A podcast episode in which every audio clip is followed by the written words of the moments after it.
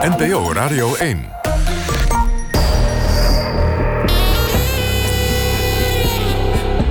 Argos. Onderzoeksjournalistiek van de VARA, Human en de VPRO. Max van Wezel. Goedemiddag, welkom bij Argos, het wekelijkse onderzoeksprogramma van NPO Radio 1. U kunt met ons meepraten via de hashtag Argos Radio 1. Straks nieuwe boeken over het Duitse dieselschandaal...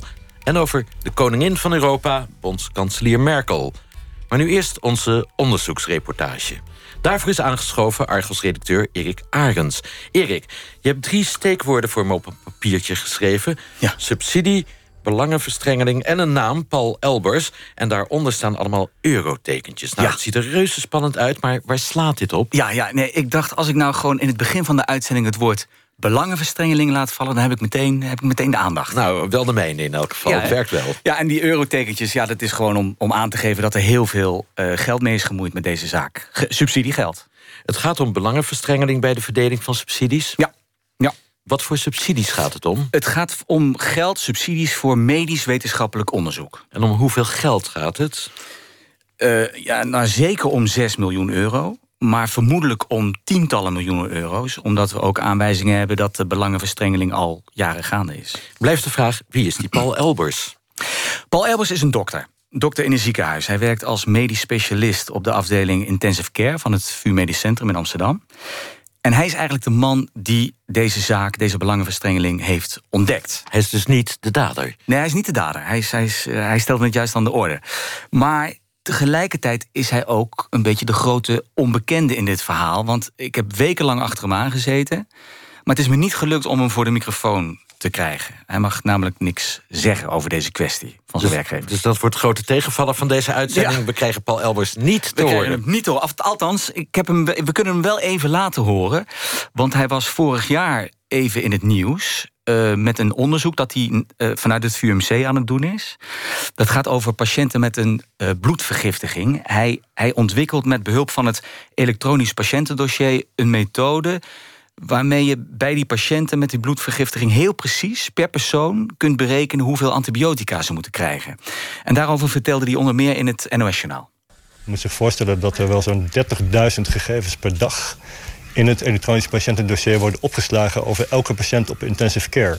En door daar nu gebruik van te maken in die software kunnen we heel erg precies de antibiotica doseren, waardoor ze beter hun werk kunnen doen. Nou, zo klinkt hij dus, Paul Elbers. Ja, blijft de vraag, welke belangenverstrengeling ontdekte die? Nou ja, hij, hij kreeg voor dit onderzoek, waarover je net hoorde, 500.000 euro subsidie. Maar dat ging niet zonder slag of stoot. Daar blijkt een groot gevecht aan vooraf te zijn gegaan. En dat gevecht, dat zet nu die hele miljoenendans rond subsidie voor medisch wetenschappelijk onderzoek compleet op zijn kop.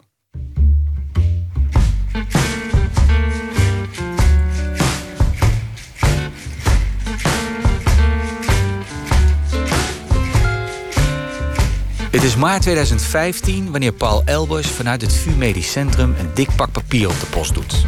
Het is een subsidieaanvraag voor het onderzoeksproject Right Dose Right Now.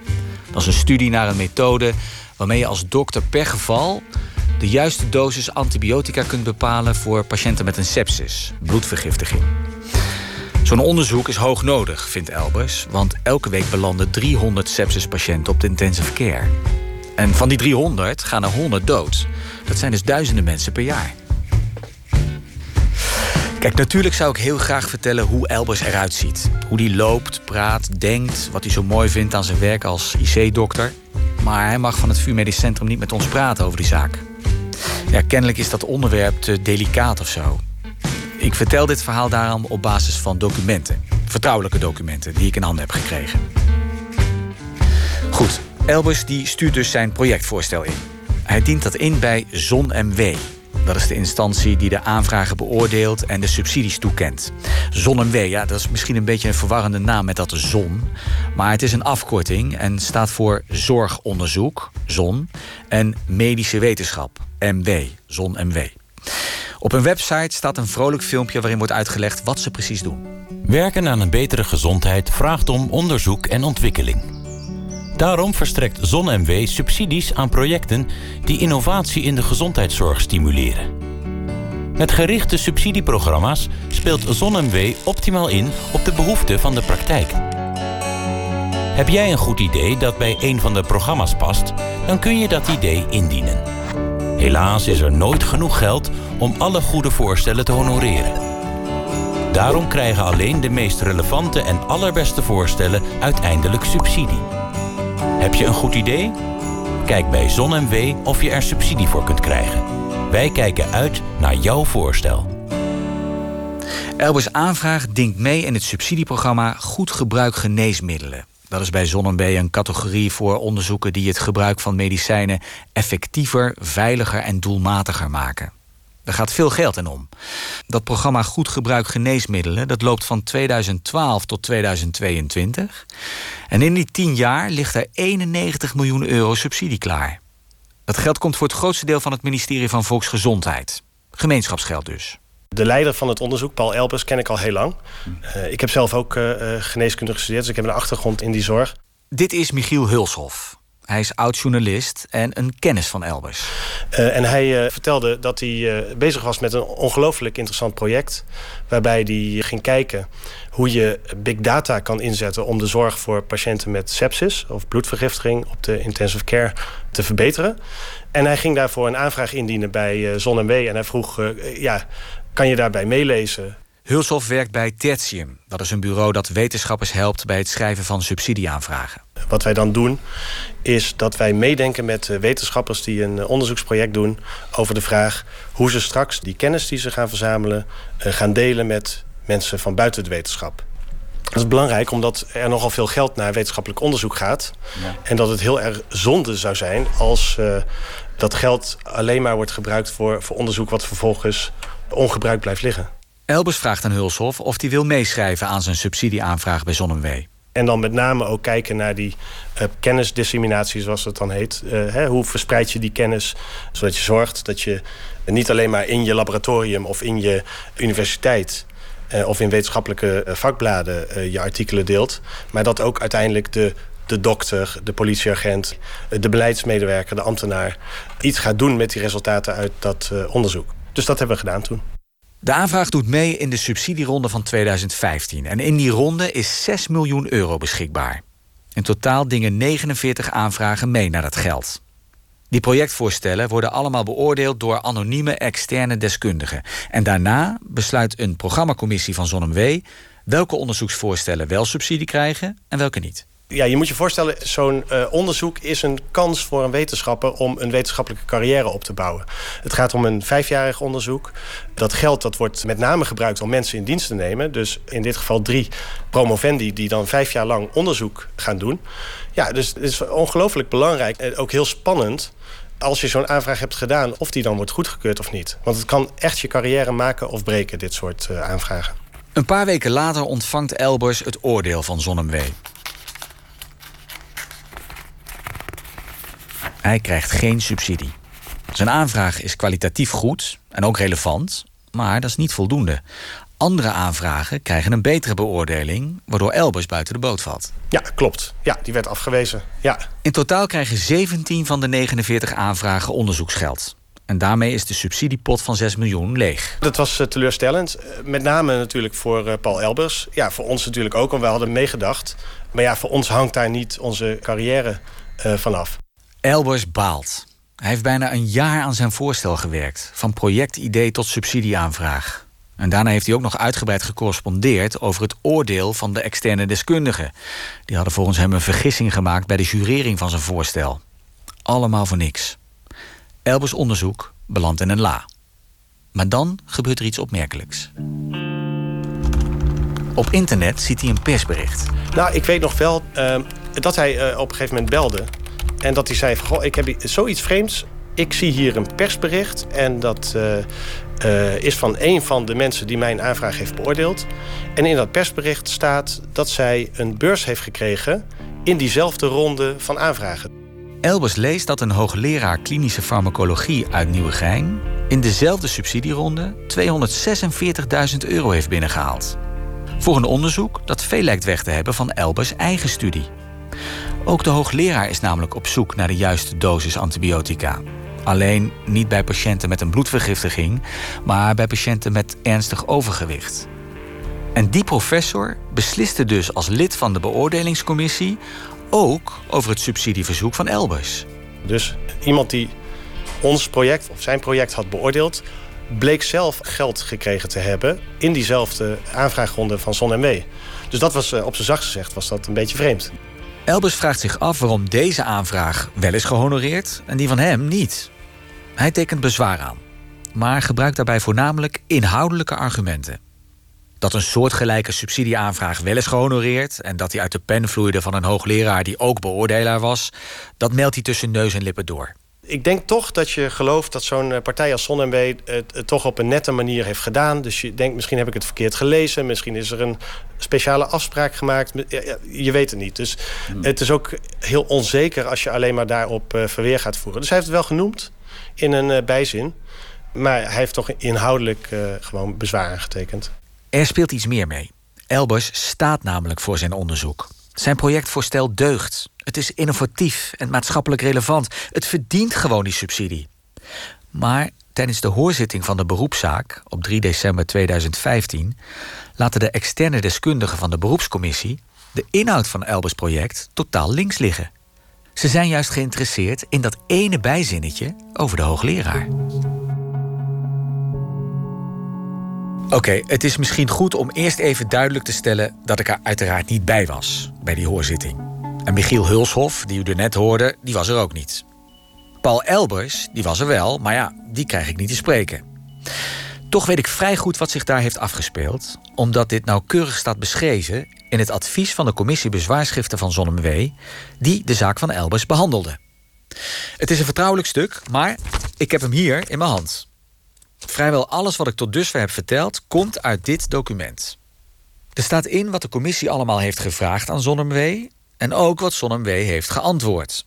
Dus ik dacht, als we nou eens aan de hand van dit verslag de dialoog reconstrueren die zich tussen die twee partijen heeft afgespeeld. Hallo, hallo. Ik ben van de bezwaarschriftencommissie. Deze dame speelt de voorzitter van de bezwaarschriftencommissie. En dan hebben we ook nog een stem voor ZonMW. Hallo, ik speel de rol van vertegenwoordiger van ZonMW. Oké, de voorzitter van de bezwaarschriftencommissie begint, want zij wijst er tijdens de hoorzitting op dat allereerst moet worden bekeken of ZonMW de wet wel heeft nageleefd. Ja, we moeten eerst vaststellen of de subsidieaanvraag wel is beoordeeld met inachtneming van de Algemene Wet Bestuursrecht. En ook van de gedragscode Belangenverstrengeling. ZonMW, artikel 2.4 van de Algemene Wet Bestuursrecht bepaalt dat ZonMW zijn taak zonder vooringenomenheid moet vervullen. En het gaat daarbij niet om of er daadwerkelijk sprake is geweest van vooringenomenheid. Nee, zelfs indien van de goede trouw van de bestuurder kan worden uitgegaan... kan de schijn van belangenverstrengeling worden gewekt. En ik stel vast dat deze hoogleraar enerzijds subsidie heeft gekregen voor haar project maar tegelijkertijd in de beoordelingscommissie zat... en aanwezig was bij de beoordelingsvergadering... waar een rangschikking van de subsidieaanvragen is gemaakt. Ja, dat klopt. Uh, leden van de beoordelingscommissie mogen bij ZonMW zelf ook subsidieaanvragen indienen. Maar zodra die eigen aanvragen worden besproken... verlaten ze de vergadering. En die regel geldt ook als een project wordt besproken... van iemand uh, die bij dezelfde instelling werkt. Uh, als bijvoorbeeld een subsidieaanvraag ter sprake komt van een onderzoeker uit uh, het VU Medisch Centrum, dan verlaten de leden van de beoordelingscommissie die bij het VU-MC werken de zaal. Zo, zo hebben we dat geregeld. Maar zij oordelen wel mee over de andere aanvragen? Dat is juist. De bezwarencommissie ruikt nu onraad. In de notulen staat namelijk nergens dat de beoordelaars die betrokken zijn geweest bij de subsidieaanvraag ook daadwerkelijk de zaal hebben verlaten. Dat moet normaal gesproken zwart op wit worden gezet. Los daarvan is het wettelijk niet eens toegestaan om in een beoordelingscommissie te gaan zitten als je zelf een subsidieaanvraag hebt lopen. De voorzitter wil daarom precies weten wie welke aanvragen heeft beoordeeld. En dan komt de aap uit de mouw. ZonMW blijkt de gedragscode die gaat over belangenverstrengeling eigenhandig te hebben verruimd. Uh, toen wij die code invoerden in 2010 hebben we besloten dat er een escape mogelijk moest zijn. Een, een uitzondering op de gedragscode. Daar hebben we destijds uh, bewust voor gekozen. En uh, de uitzondering houdt in dat als een lid van de beoordelingscommissie bij één aanvraag is betrokken deze de zaal dient te verlaten zodra de eigen aanvraag wordt besproken. Maar hij mag wel aanwezig zijn bij de vergaderingen over de andere aanvragen. Je voelt de verbazing bij de voorzitter toenemen. Want de uitzonderingsclausule die Zon W heeft bedacht... is een strijd met de wet. Maar heeft de hoogleraar over wie we het nu hebben... daardoor geen invloed gehad op de aanvraag in deze ronde? Ze is toch betrokken geweest bij de beoordeling... en de prioritering van de aanvragen? Um, ja, zij was beoordelend commissielid voor een aantal aanvragen... Uh, waaronder die van de heer Elbers. Maar betekent dat dan niet dat de hoogleraar op deze manier... haar eigen aanvraag kan hebben bevorderd... door aan andere aanvragen een minder gunstig cijfer toe te kennen? Uh, ja, dat zou in theorie kunnen. Dat zou dan toch een heel negatieve uitkomst zijn, vindt u niet? Welke maatregelen heeft uw beoordelingscommissie genomen om dit te voorkomen? Nou ja, ze zit niet alleen in zo'n commissie. Er zijn meerdere beoordelaars.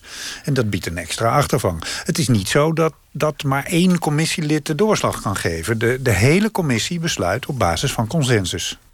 Ja, maar dat laat onverlet dat zij invloed heeft kunnen uitoefenen. Ze heeft deelgenomen aan de beraadslaging over concurrerende aanvragen. U lijkt het principieel niet onjuist te vinden dat commissieleden die ook aanvrager zijn van subsidie betrokken zijn bij de beoordeling van andere aanvragen en daardoor de mogelijkheid hebben om vanwege strategische redenen een andere, concurrerende aanvrager lager te ranken, zodat ze zelf meer kans maken. Wij menen dat er voldoende waarborgen zijn die ervoor zorgen dat dat niet gebeurt. Nou, welke dan? Nou, een, een, commissielid mag bijvoorbeeld slechts bij één aanvraag betrokken zijn. En eh, er wordt een betrokkenhedenlijst ingevuld voor aanvang van de vergadering. En daarop geven de leden hun betrokkenheid aan. De voorzitter tekent daarvoor. Dat is een vorm van bewustwording. Er moet binnen de commissie consensus bestaan over een aanvraag. Maar uit artikel 2.4 van de Algemene Wet Bestuursrecht volgt dat er zelfs geen schijn van belangenverstrengeling mag bestaan. Hoe verhoudt zich dat dan tot de uitzondering die Zon heeft opgenomen in de gedragscode? Nou ja, u moet weten, uh, toen wij die gedragscode vaststelden... Toen, toen hebben we geprobeerd het begrip betrokkenheid te objectiveren. We hebben naar objectievere maatstaven gezocht. Uh, bijvoorbeeld door onderscheid te maken in de mate van betrokkenheid. Ben je betrokken bij één aanvraag of bij meer aanvragen? En, en daar is die uitzonderingsclausule uit voortgekomen. Het het is anders moeilijk om voldoende deskundigen... voor beoordelingscommissies te vinden. Ik ging met de tekst van de bezwarencommissie naar Hans van den Heuvel.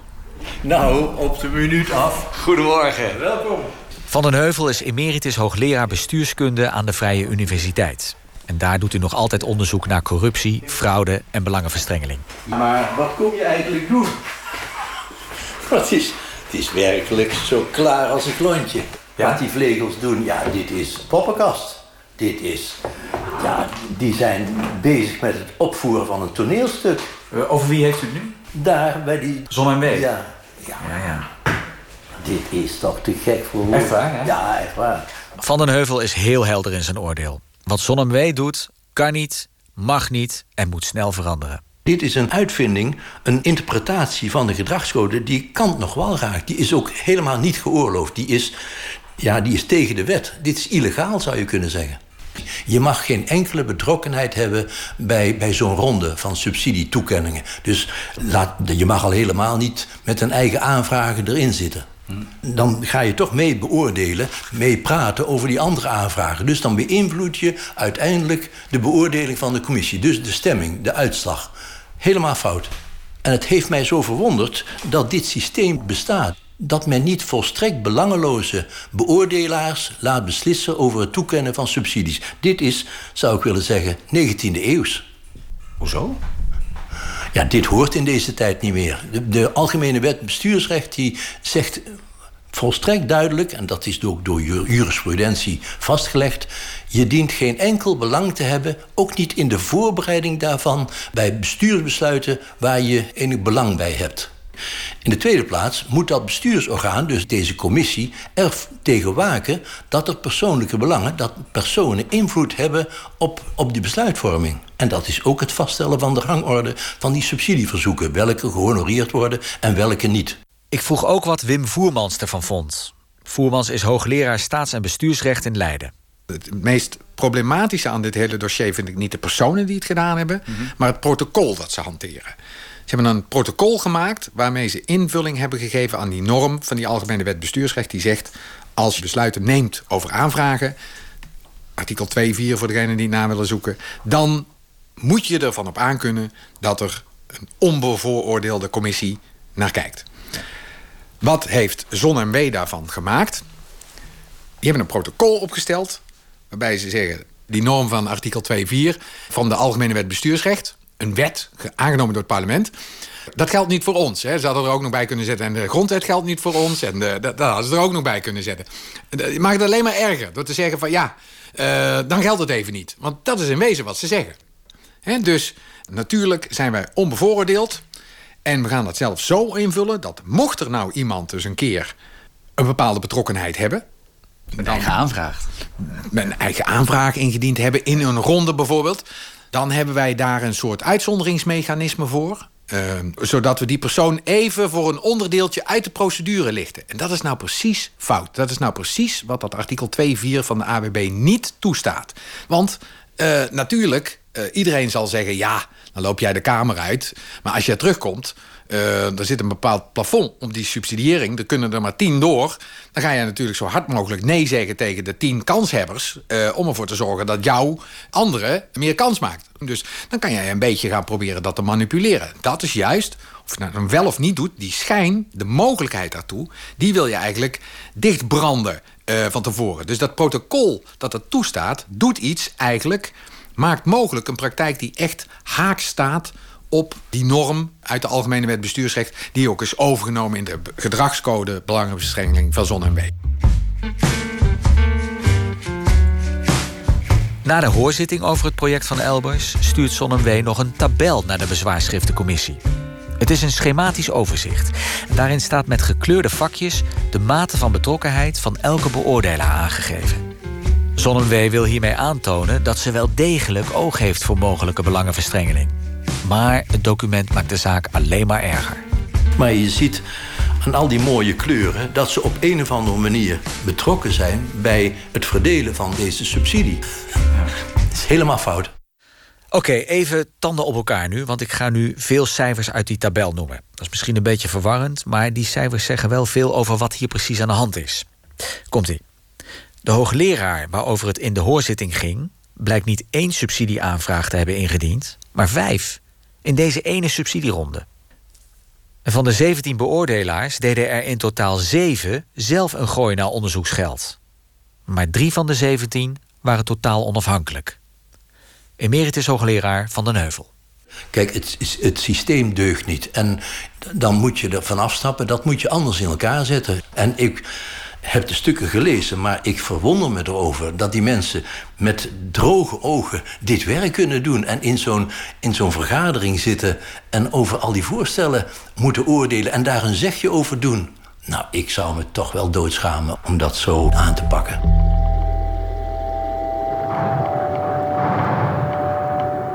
Maar zat Zonnewee eigenlijk niet in een erg lastige positie? Aan de ene kant mochten de beoordelaars nergens bij betrokken zijn en geen eigen aanvragen indienen. Maar aan de andere kant zijn juist topwetenschappers nodig om die subsidieaanvragen goed te kunnen beoordelen. Maar die zijn juist overal bij betrokken. Toppers die zelf niet constant op zoek zijn naar geld voor onderzoeken, ja, dat zijn geen toppers. Het is een spagaat waar Zon en W in zit. Daar, daar moet steeds geschipperd worden.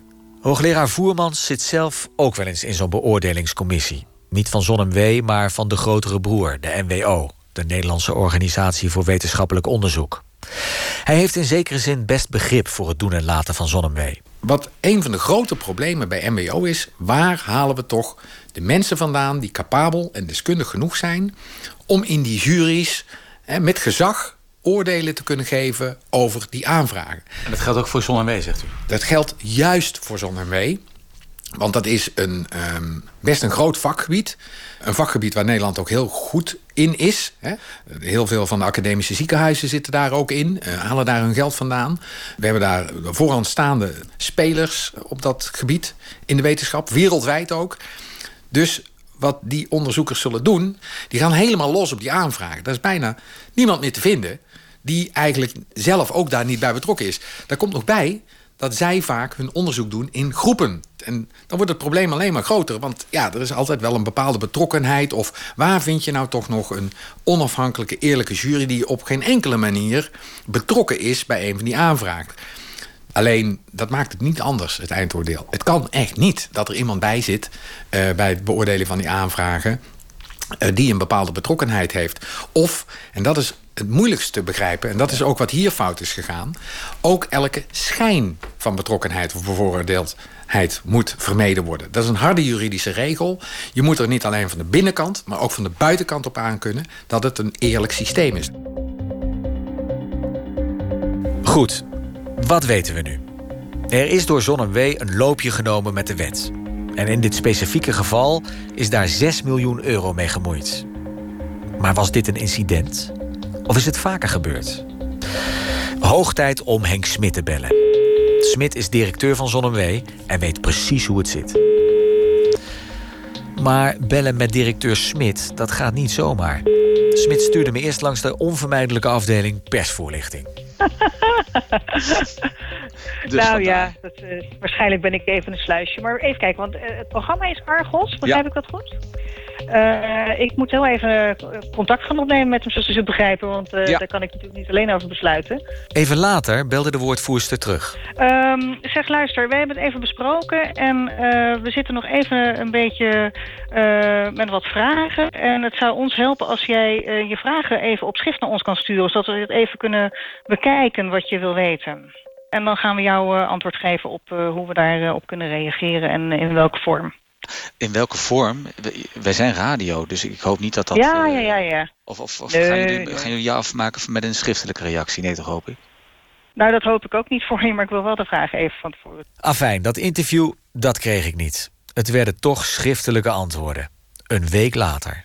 En geen woord over wat ik graag wilde weten. Hoe vaak is die belangenverstrengeling voorgekomen?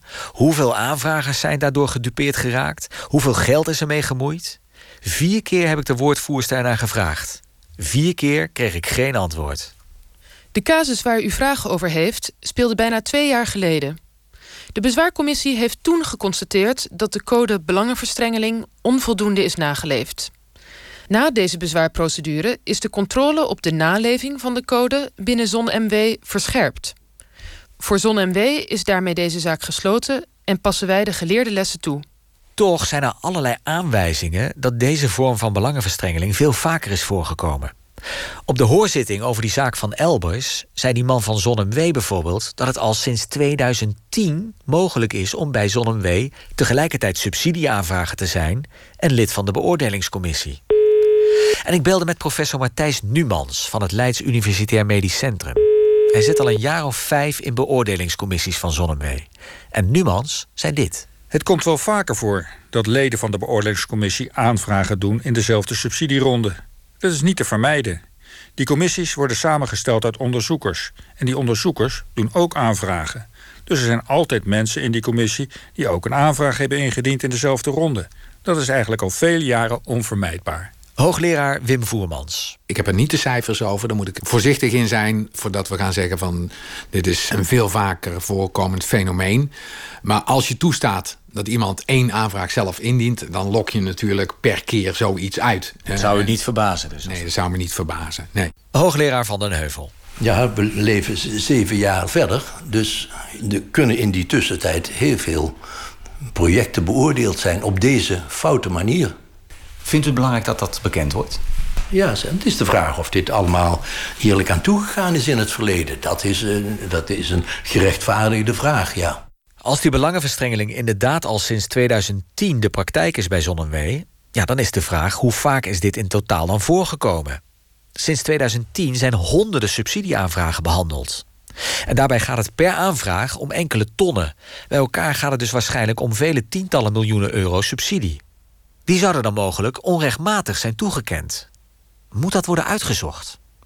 Hoogleraar Voermans. Op zich vind ik dat, uh, ik ben een wetenschapper, ik ben een journalist, uh, van belang om te weten. Maar van belang voor de kwestie is het helemaal niet. Oké. Dit mag niet, dit kan niet. En of het nou sinds 2010 is of sinds 2016, dat doet er niet aan af. Nou ja, je, je zou kunnen zeggen, al die miljoenen die er in de afgelopen jaren zijn vergeven, die zijn onreglementair vergeven. Ja, dat zou je inderdaad kunnen zeggen. Maar ik kijk er dan even tegenaan als jurist. Kan je daar nog iets tegen ondernemen? Nee. En dan kom ik met de voetbalmetafoor. Uh, na de wedstrijd blijkt dat de bal toch over de lijn was... of uh, dat er toch iemand in het penaltygebied werd gevloerd. Jammer, maar de uitslag blijft staan. En hoe zou het nu gaan? Na de kritiek van de bezwarencommissie heeft Zonnewee de controle op de naleving van de gedragscode verscherpt, schrijft de woordvoerster. Het is niet meer toegestaan om in een beoordelingscommissie te zitten als je zelf een aanvraag hebt lopen. En daarmee is het probleem verholpen. Maar bij een andere subsidiecategorie van ZonMW gebeurt dit volgens de woordvoerster nog steeds. Daar komt nog iets bij. Tussen de documenten die ik heb, vond ik een stuk uit subsidieronde 5 van goed gebruik geneesmiddelen. Dat is de ronde uit 2016. Die volgde dus op de ronde waarin ZonMW stevig op de vingers werd getikt. En wat blijkt? ZonMW heeft toen opnieuw toegestaan dat bepaalde beoordelaars meebeslisten over aanvragen terwijl ze dat eigenlijk niet mochten. Het verwondert mij dat dit allemaal zo, zo wordt behandeld, in het geheim. Dat vind ik in deze tijd absoluut niet meer passen.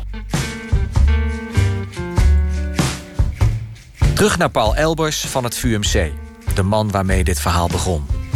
Hij hoort een paar weken na de hoorzitting het oordeel van de bezwaarschriftencommissie. ZonMW heeft in strijd met de wet gehandeld en krijgt het nadrukkelijke advies om het besluit in zijn zaak te herzien. Dat gebeurt. Een nieuwe commissie neemt de aanvraag in behandeling en oordeelt dat het onderzoeksproject wel degelijk subsidie verdient. Elbers kan daardoor alsnog aan de slag.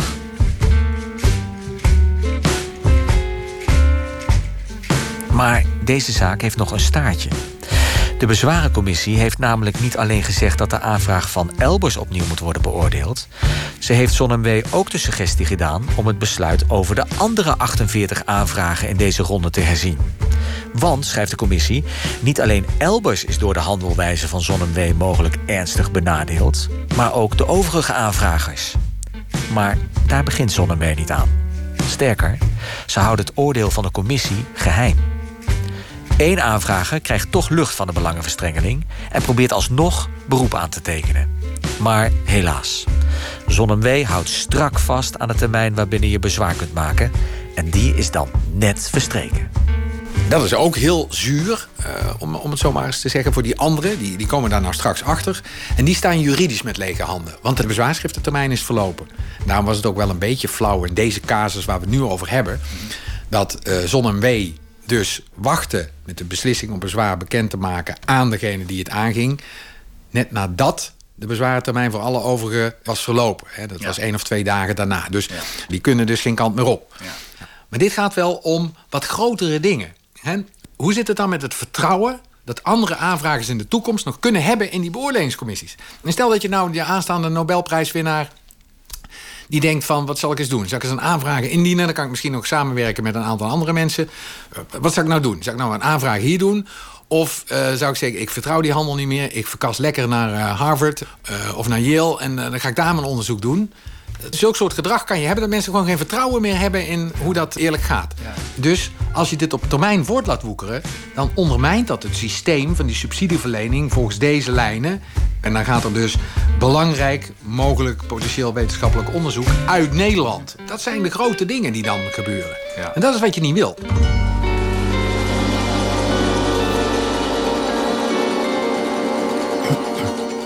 Schimmige praktijken bij Zon MW. Een reportage van Erik Arends, Huub Jaspers en technicus Alfred Koster. De volledige correspondentie tussen Argos en Zon kunt u vinden op onze site argos.vpro.nl. En Erik is nog steeds bij me. Wat, ik me nou al de hele reportage afvraag, Erik... waarom mocht Paul Elbers nou niet met jou praten van het VUMC? Ja, dat heb ik me ook afgevraagd. Ik heb uiteindelijk uh, drie redenen gehoord. Eerst was het verhaal uh, maar dat was meer een beetje uit de losse pols gezegd. Van ja, maar is dat nou wel handig voor die onderzoeker? Want ja, je maakt je toch ook wel een beetje kwetsbaar als je dit uh, openlijk naar buiten brengt. Want je hebt in de toekomst toch ook weer te maken met die mensen die over jouw aanvraag uh, beslissen. Toen was het verhaal, we zijn nog in gesprek met ZonMW, dus dan gaan we daarover niet met jou praten. En uiteindelijk zeiden ze, ja, we willen wel met Zonnewee in dialoog, maar dan alleen live. Nou, Ja. had dat gedaan. En jullie zijn een, ge- een montageprogramma, dus dat... eh, nee, We ja, het zo omgezet in een live programma. Nee, dat heb ik voorgesteld. Ik heb gezegd, oké, dan gooien we alles om en dan doen we het gewoon live. Maar ja, toen kreeg ik nog geen toezegging. Wat misschien meespeelt, maar dit is, dit is geen, dit, dit heb ik niet gecheckt. Maar wat me wel opviel is dat het VUMC er eigenlijk heel dubbel in zit in dit verhaal. Want eh, Paul Elbers is van het VUMC, heeft alles aangekaart. Maar in die commissie, die beoordelingscommissie, zit ook een VUMC'er die met een eigen aanvraag meedeed. Dus die beoordeelde en ze had ook een eigen aanvraag. Zijn man met dubbele pet op, dus. het was, een, het was een VUMC zelf. En de voorzitter van Zonnebee is Jeroen Geurts. En dat is een vooraanstaand neurowetenschapper uit het VUMC. Hoe krijgen we nou precies te weten hoe lang dit gaande is? Hoeveel geld ermee gemoeid is? Ja. Zon en Wees zegt dus van... ja, oude koeien uit de sloot, eh, de, de procedures zijn veranderd. En vervolgens zeg jij weer, nee, dat is niet zo. Nou ja, kijk, ze, ze, ze geven zelf toe dat het in ieder geval eh, de ernstigste vorm die, die we nu hebben besproken... Hè, dus dat je een eigen aanvraag indient terwijl je ook beoordelaar bent... die eh, komt bij deze eh, sector goed ge- gebruik geneesmiddelen niet meer voor. Maar Zonnebee geeft zelf aan in een andere categorie... huisartsgeneeskunde en ouderengeneeskunde doen we het nog wel. En waarom dan? En ja, ze schrijven eh, dat dat geld is dan niet van VWS, maar van een andere geldverstrekker. En die wil dat dat dan wel mogelijk is, dus dat staan we dan toe. En ja, dat willen we niet echt, maar het gebeurt nog wel. Dat is eigenlijk wat Dat ze geven zeggen. ze toe. Dat geven ze toe. Ehm, en eh, ja, verder over wat, wat er in het verleden is gebeurd, dat wil ik heel graag weten. Is dit nou een incident of is het nou vaker gebeurd? Hè? Je hoort, al- we weten, sinds 2010 bestaat in ieder geval de mogelijkheid. Om hoeveel, hoeveel aanvragen zijn hier gedupeerd? Hoeveel aanvragers? Hoeveel geld is meer gemoeid? Ja, ik heb het, ik, er komt telkens wel een reactie als ik weer de vraag stel van ZonMW, maar telkens niet het antwoord daarop. En liefst wil ik ze natuurlijk ook interviewen. Nou, dat lukt allemaal niet. Ik heb dus gisteravond maar een, eh, een WOP-verzoek zitten tikken. Hè. Een, een, een, verzoek in het kader van de wet openbaarheid van bestuur. eh, om ja, die documenten maar te pakken te krijgen. Misschien dat we het dan zelf eh, boven water kunnen tillen. Kunnen concluderen. Hoe vaak is dit nou voorgekomen of niet? Blijf even zitten, Erik. Meegeluisterd heeft namelijk D66 Tweede Kamerlid Jan Paternotte. Dag meneer Paternotte. Goedemiddag. Wa- Wat vindt u van de manier waarop Zon subsidieaanvragen voor wetenschappelijk onderzoek behandelt en in elk geval lang heeft behandeld?